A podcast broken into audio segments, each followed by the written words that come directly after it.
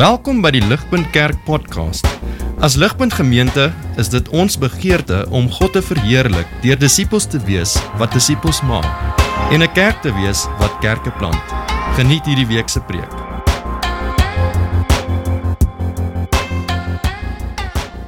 So toe ek 'n- 'n klein seentjie was, het um, ek met pa gegaan en ons het gaan visvang die naweek um, by 'n dam nie ver van ons af nie. En um, ons het nooit groot visse gevang nie, was nooit te goed in dit nie, maar ons het altyd die klein visse voor in die dam gevang. En so die naweek vang ons drie klein visse. En ons besluit dit sal nogals 'n goeie eksperiment wees om hierdie drie visse huis toe te vat en in ons swembad vry te laat. En so ons doen dit toe. Ehm um, sit in die swembad en so die eerste visie het so 3 dae gehou toe gee hy die gees. Ehm um, die tweede visie het 5 dae gehou, ons was impressed met hom en die derde het selfs langer as 'n week gehou. En ehm um, so dit was nogals interessant om te sien, maar op die ouend het almal gegroet. Ehm um, so wat die punt wat ek wil maak? sien net soos 'n vis en hierdie visse gemaak was vir die dam en dit hulle natuurlike habitat was, die konteks is waarin hulle leef en eintlik strive. Um net so is seks gemaak vir die huwelik tussen een man en een vrou en dis dit die konteks en die habitat waar dit moet thrive. En sien wanneer ons seks uit die huwelik uitvat, net soos die visie uit die dam gevat word, wat gebeur is dit raak vir ons moeilik. Ons kan wegkom met dit vir 'n ruk dalk, maar oor tyd raak dit amper soos torture, soos dit vir daai visie waarskynlik was in die kloorwater en nie met torture nie, dit lei tot dood. Sien seks is gemaak om te floreer in die huwelik tussen een man en een vrou. En wat ons doen is ons vat dit uit die huwelik uit en dit raak seksuele sondes. En so hierdie is die probleem en die hoofidee wat ek wil regtig hê ons moet hoor vanaand. As jy hierdie kan onthou, het jy ver gekom. Wanneer ons seksualiteit buite die konteks van die huwelik beoefen, geniet, na kyk of na streef, is dit nie net sonde nie, maar dit raak selfs vir ons torture en dit lei tot dood. Sal dit wees, hè, wanneer ons seksualiteit buite die konteks van huwelik beoefen, geniet, na kyk of na streef, is dit nie net sonde nie, maar dit raak vir ons 'n burden, dis torture, dit is vernietigend en dit lei tot dood. Sien ons kan wegkom met dit vir 'n ruk, maar dit gaan ons inhaal oor tyd.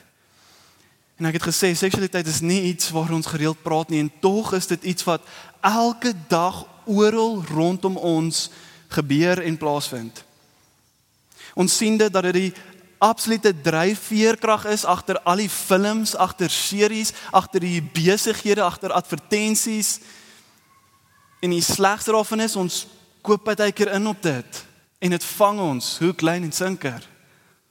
Dit vang ons eersins in ons gedagtes, net hier ons het hier vir onsself hou en wat ons dink.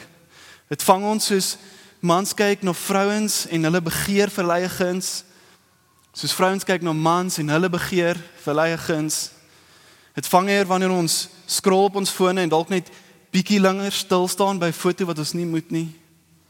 Dit vang ons in die series wat ons kyk of die movies wat ons opsit wat ons dink dis nie so skadelik nie, maar die dit wat daar gebeur is wat presies gebeur vroeër wat ek genoem het is seks wat buite die huwelik plaasvind en in 'n ander lig vir ons vertoon word en dit word gesien as reg en eintlik korrek en dis die manier van lewe doen. Dit vang ons in pornografie beide vir mans sowel as vrouens toenemend. Christen mans en vroue.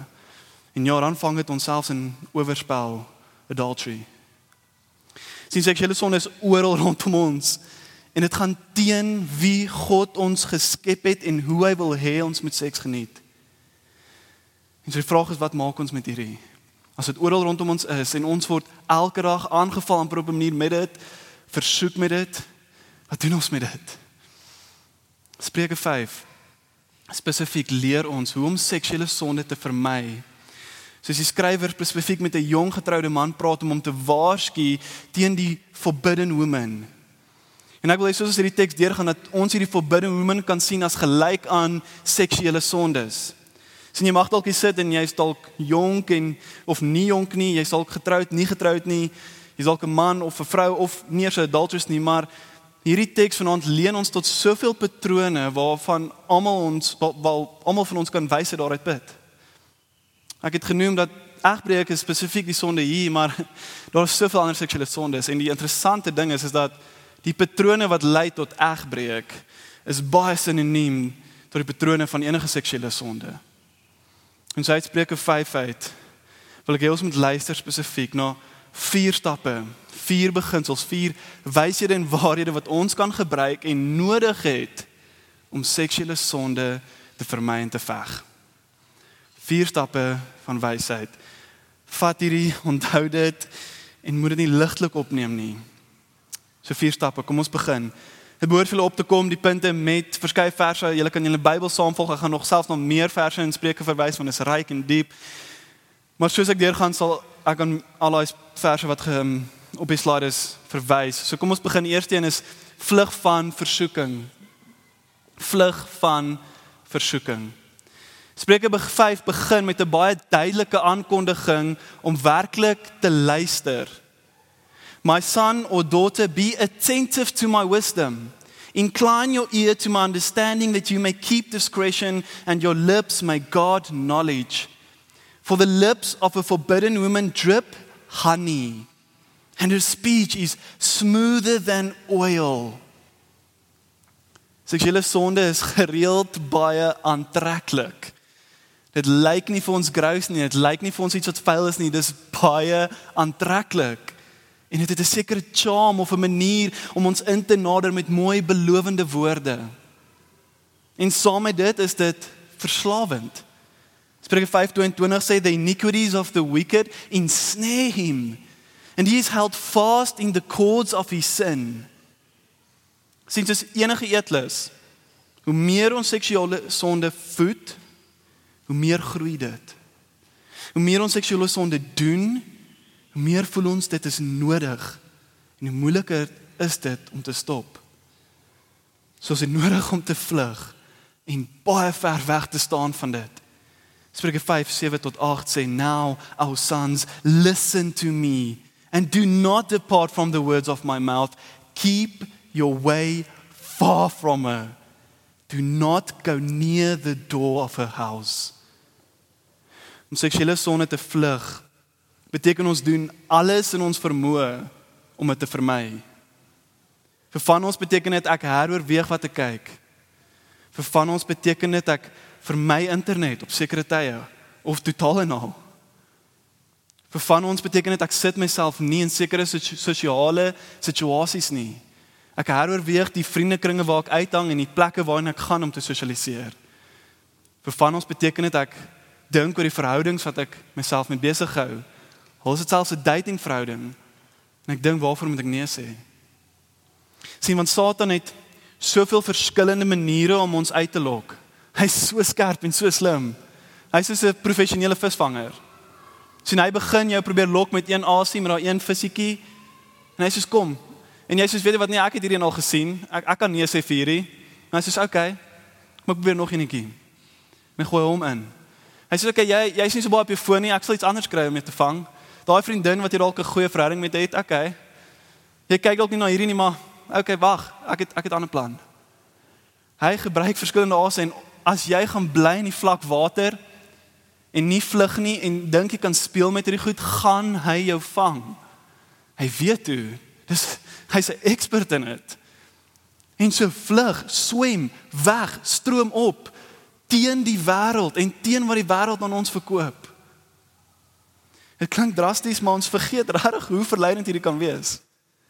Spreuke 6 vers 27 en 28 sê, "Can a man carry fire next to his chest and his clothes not be burned?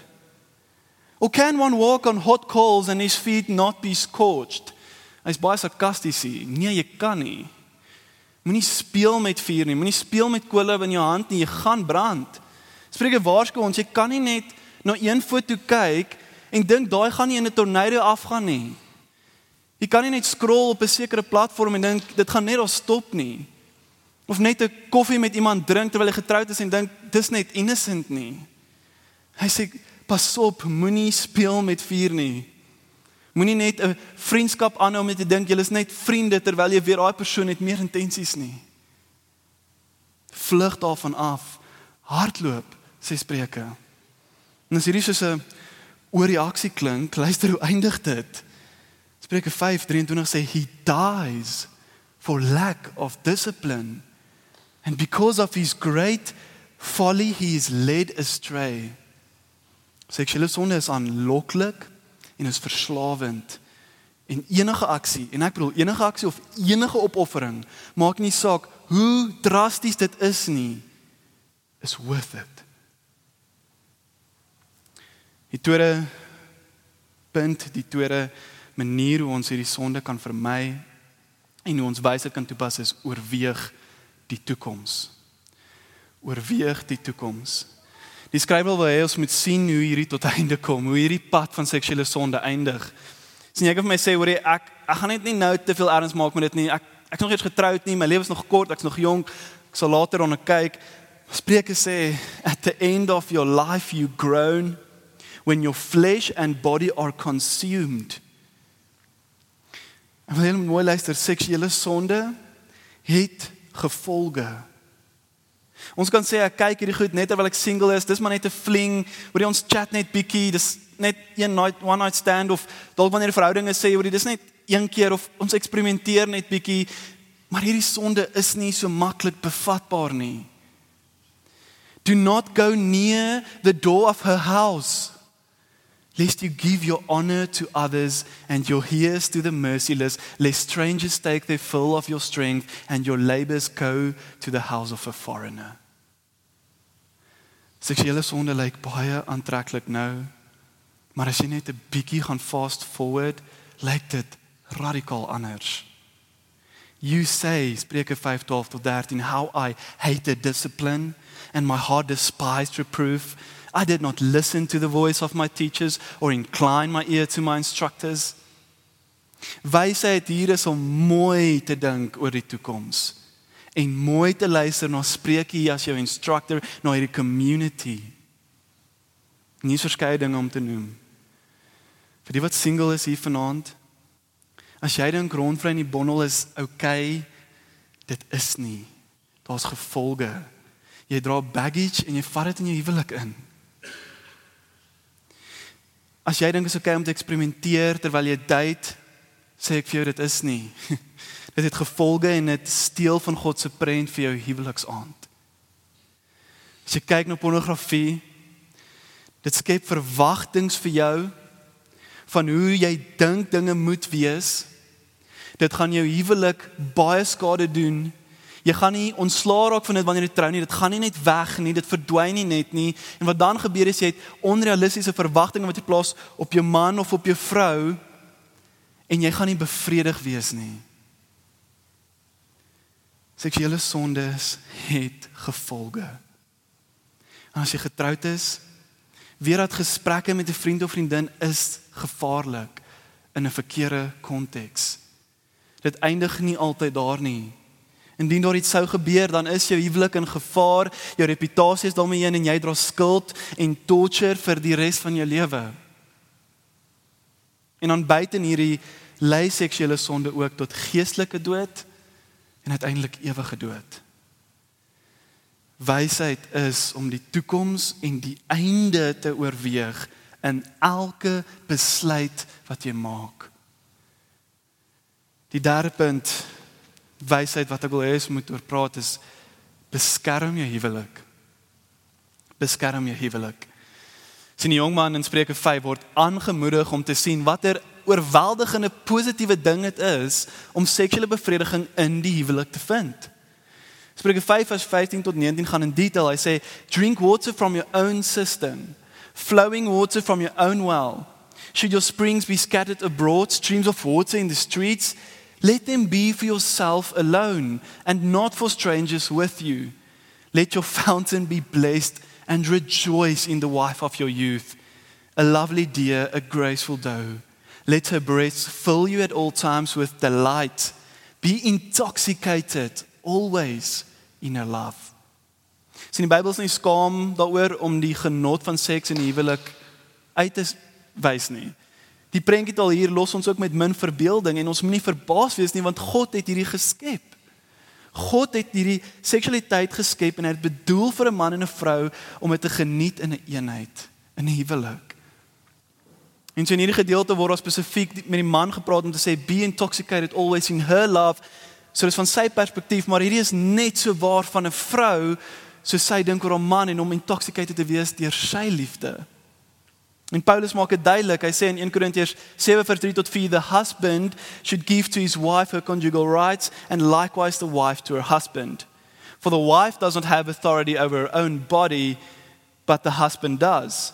And likewise, the husband does not have authority over his own body, but the wife does. Nou die probleem is daar word intoxication oral aangebied. Op elke hoek en draai. Spreuke 25 sê, "Why would you be intoxicated, my son, with a forbidden woman and embrace the bosom of an adulteress?" En dalk dink jy wel dis iets nuuts, dis iets anders, dis ook exciting.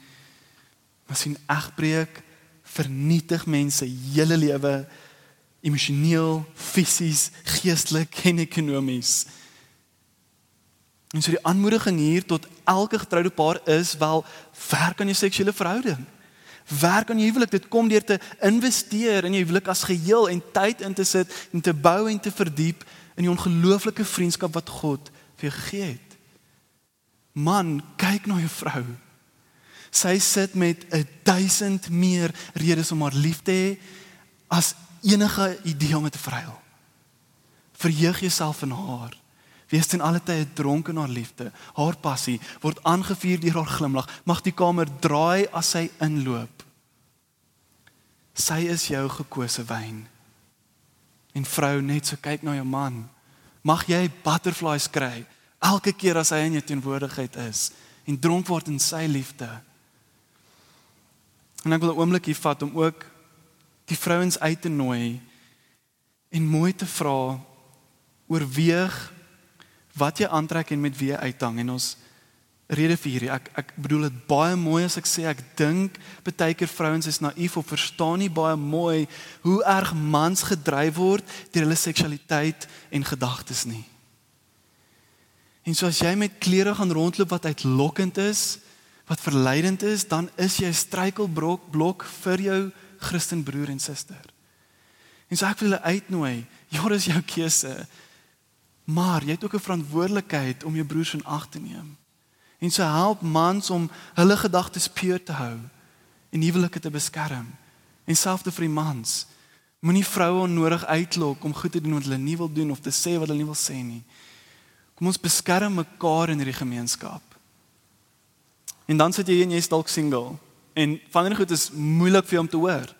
Dis dalk pynvol. Jy hoor die dronkenskap van seksuele verhoudings en jy sê wel dis nie great vir my nie. Ek sukkel met hierdie en ek wil uit nou hierdie kan gevaarlik wees. Dit is menigvuldig. Jy kan die seksuele aspek so begeer dat jy gaan vlug na verkeerde dinge en vlug om uitweg te kry op ander plekke of jy kan dit so begeer dat dit vir jou 'n moontlike huweliksmaat kry slegs op grond van hierdie rede. En so ek het vroeër jaar gepreek op dit, maar dis hier waar ek julle wil herinner aan die huwelik wat ons het met Jesus. Sien niks, maar niks, nie 'n aardse huwelik nie, niks gee soveel bevrediging soos 'n verhouding met Jesus nie. Niks.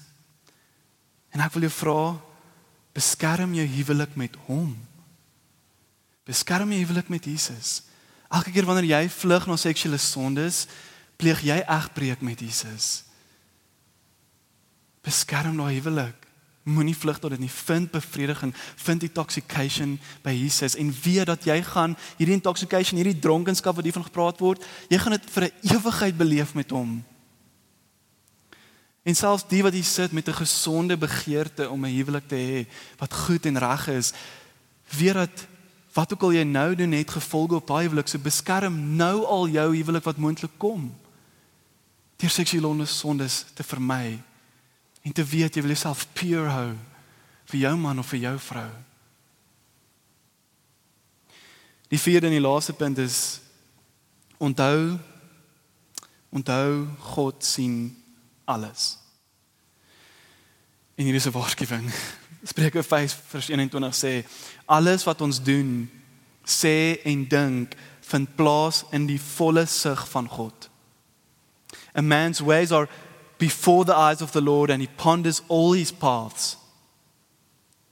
Sien ons mag in staat wees om ander mense te bedrieg, mense rondom ons. Jy kan selfs jou man of jou vrou bedrieg. Maar daar's net geen manier hoe ons God kan escape nie.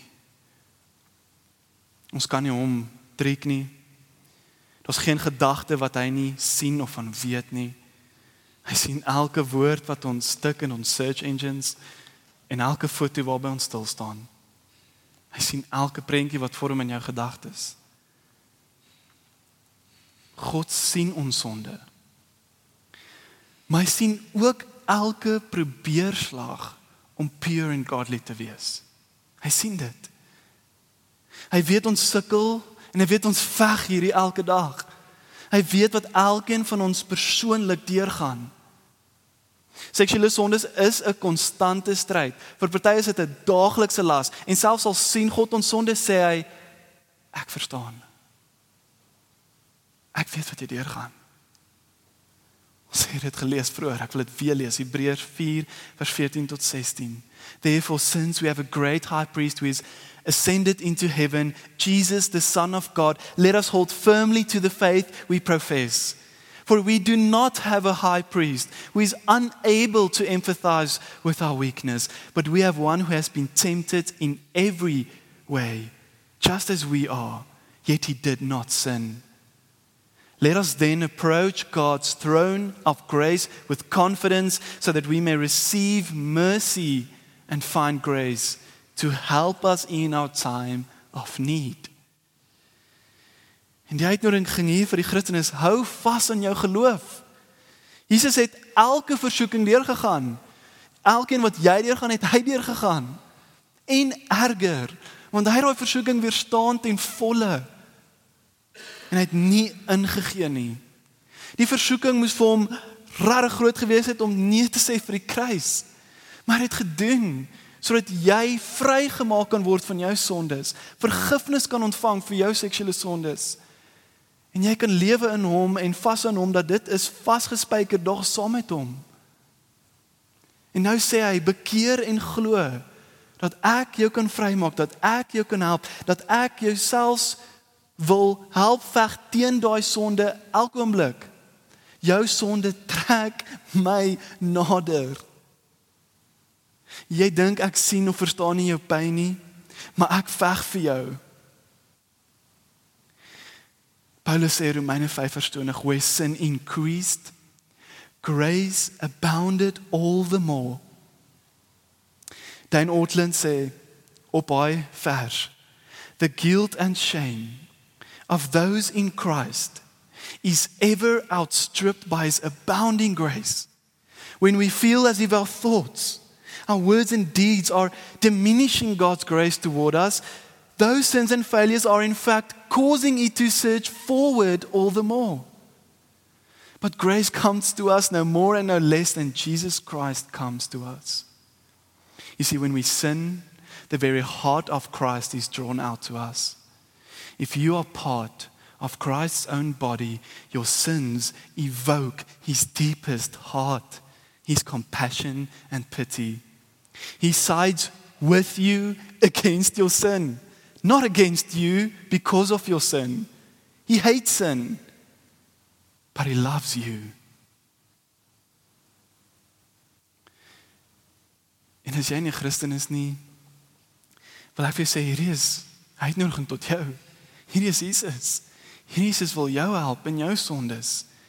Hy sê bekeer en glo in my.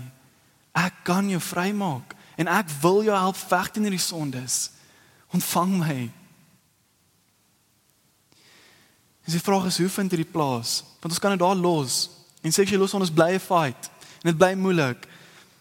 En so hoe hoe kan ons tot God se troon van genade na Jesus toe nader deur ons sondes te erken en hoe nader hy dan tot ons? Hoe gebeur hierdie? Deur die kerk. Deur die kerk. Sien die manier hoe die gospel sy application vind. Die manier hoe Jesus op 'n praktiese manier nader aan jou wil beweeg in jou stryd, in jou sondes is deur sy kerk. Jy kan nie hierdie sonde alleen veg nie. Al probeer jy hoe hard, jy gaan nie alleen oorleef nie. Ons het 'n YouTube video wat laas jaar uitgekom het wat genoem is Everything we think we know about addiction. En die video wys dat isolasie veroorsaak verslawing. Nie die drak nie. Dit sê nie isolasie maak dat mense drugs doen nie, maar dat die isolasie gereeld die rede is wat hulle actually hooked maak. Dis die vraag is hoe moet die kerk reageer in die lig van hierdie as ons kyk na seksuele sondes? Eerstens is die uitnodiging ons as kerk moet uitreik na die wat moontlik kan eensaam wees. Al is dit koppels, maar spesifiek die singles. Ons moet veral hulle uitnooi en innooi in ons huise en sien as familie. Ons moet mekaar as familie beskou. Jou huis kan die escape wees tot iemand se versoeking. Jesus sê ek sal jou nie in die versoeking lei so ver soos jy dit nie kan hanteer nie. Wel dalk is jou huis daai manier. Maak jy huis oop. En dan is die tweede kant, die ander kant van die muntstuk wel as jy sit en jy voel dalk eensaam of jy sukkel met seksuele sondes, klop aan hierdie deure. Moenie skaam wees nie. Bel vanaand, praat vanaand met iemand en sê ek het jou nodig. Ek klop aan jou deur. Moenie hierdie gemeenskap van selfsprekend vat nie. My suster, my ouer suster is 20 21 20. Ehm um, sy is in Skotland saam met die res van my familie, maar sy is op 'n ander deel in Oban in die boonsgedeelte. Sy swat marine biologie in 'n koshuis daar op haar eie. Sy het my nou gebel en sy sê luister ek moet met jou praat. Daar's 20 mense in my groep 15 van hulle is homoseksueel. En 5 actually heteroseksueel. So 70% van die mense in my groep is actually gay. Maar nie net dit nie, hierdie mense laster die heeltyd om my. Hulle maak 'n bespotting van God. En hierdie plek voel vir my God verlate. En sy bel my om te vra is sy om te sê sy sal enigiets gee om net nou 'n Bybelstudie te kan hê of te kan kerk toe gaan Sondag. Maar die naaste kerk is soos 'n uur van haar weg en sy sal op 'n bus moet klim om uit te kom. En sy sê selfs dan, die een keer toe sy by die kerk was, was daar soos 3 mense in die kerk wat baie oud is. En sy sê vir my, toe sy hier was, het sy dit so van selfsprekend gevat dat sy kan kerk toe gaan om bemoedig te word, om te kan sing wanneer sy dit nodig het en om Bybelstudie te kan bywoon en dat mense om haar actually Christene is. Want sy dink sy is actually die enigste Christen in haar koshuis indien nie in die hele dorp nie. En my punt met hierdie is, moenie moenie hierdie gemeenskap as vanselfsprekend vat nie. Hier is nie normaal oral nie. Ons het 'n amazing voorreg hier Ons kan gaan tot die mense hier, die mense hier in hierdie gemeenskap. Beloof ek julle wil help en wil inploeg in jou lewe en 'n pad stap met jou. En glo my, ek voel dit soos ek weggaan. Ek besef wat ek gaan mis. En ek wil julle aanmoedig, moet dit nie as vanselfsprekend vat nie. Sien ek self sukkel nog steeds daagliks met seksuele versoekings. Maar vroeër in my single lewe het twee goed my gehelp om 'n spesifieke verslawing te oorwin. Die eerste een was ek moes erken ek kan dit nie alleen veg nie. En dit het baie gevat. Ek moes erken ek kan nie dit alleen veg nie. En tweedens ek moes dit bely aan 'n Christen broer en sodoende bekeer daarvan en saam met hom bid en vra dat hy vir my bid en dan glo in die goeie nuus. Ek het die gospel geken, ek verstaan die gospel, ek weet wat dit sê, Maar sien daar het dit sy application gevind. Daar het vir my reël geraak. So ek wil afsluit met 'n quote van Rosaria Butterfield. En sy sê the ideal church is a church where everybody is repenting publicly of something. The ideal church is where people are saying, I struggle with this and I don't want it to define me. But I need you to cover my back in prayer. I struggle. I fail. I've been a Christian and I want to struggle in the Lord. That is the ideal church. Kom ons wees daai kerk. Kom ek bid vir ons.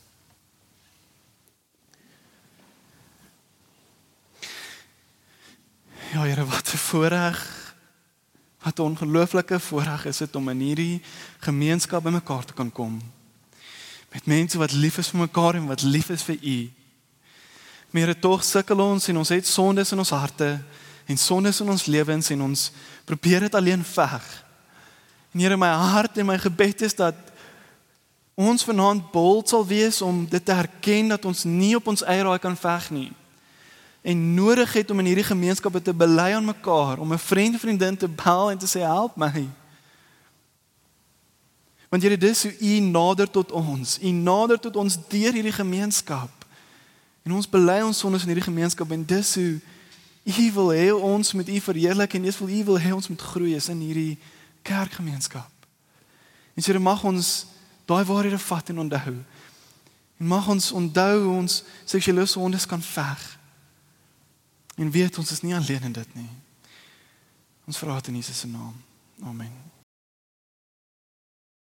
Vir meer inligting oor Ligpunt Kerk, besoek gerus ons webwerf op www.ligpunt.com of kontak ons gerus by info@ligpunt.com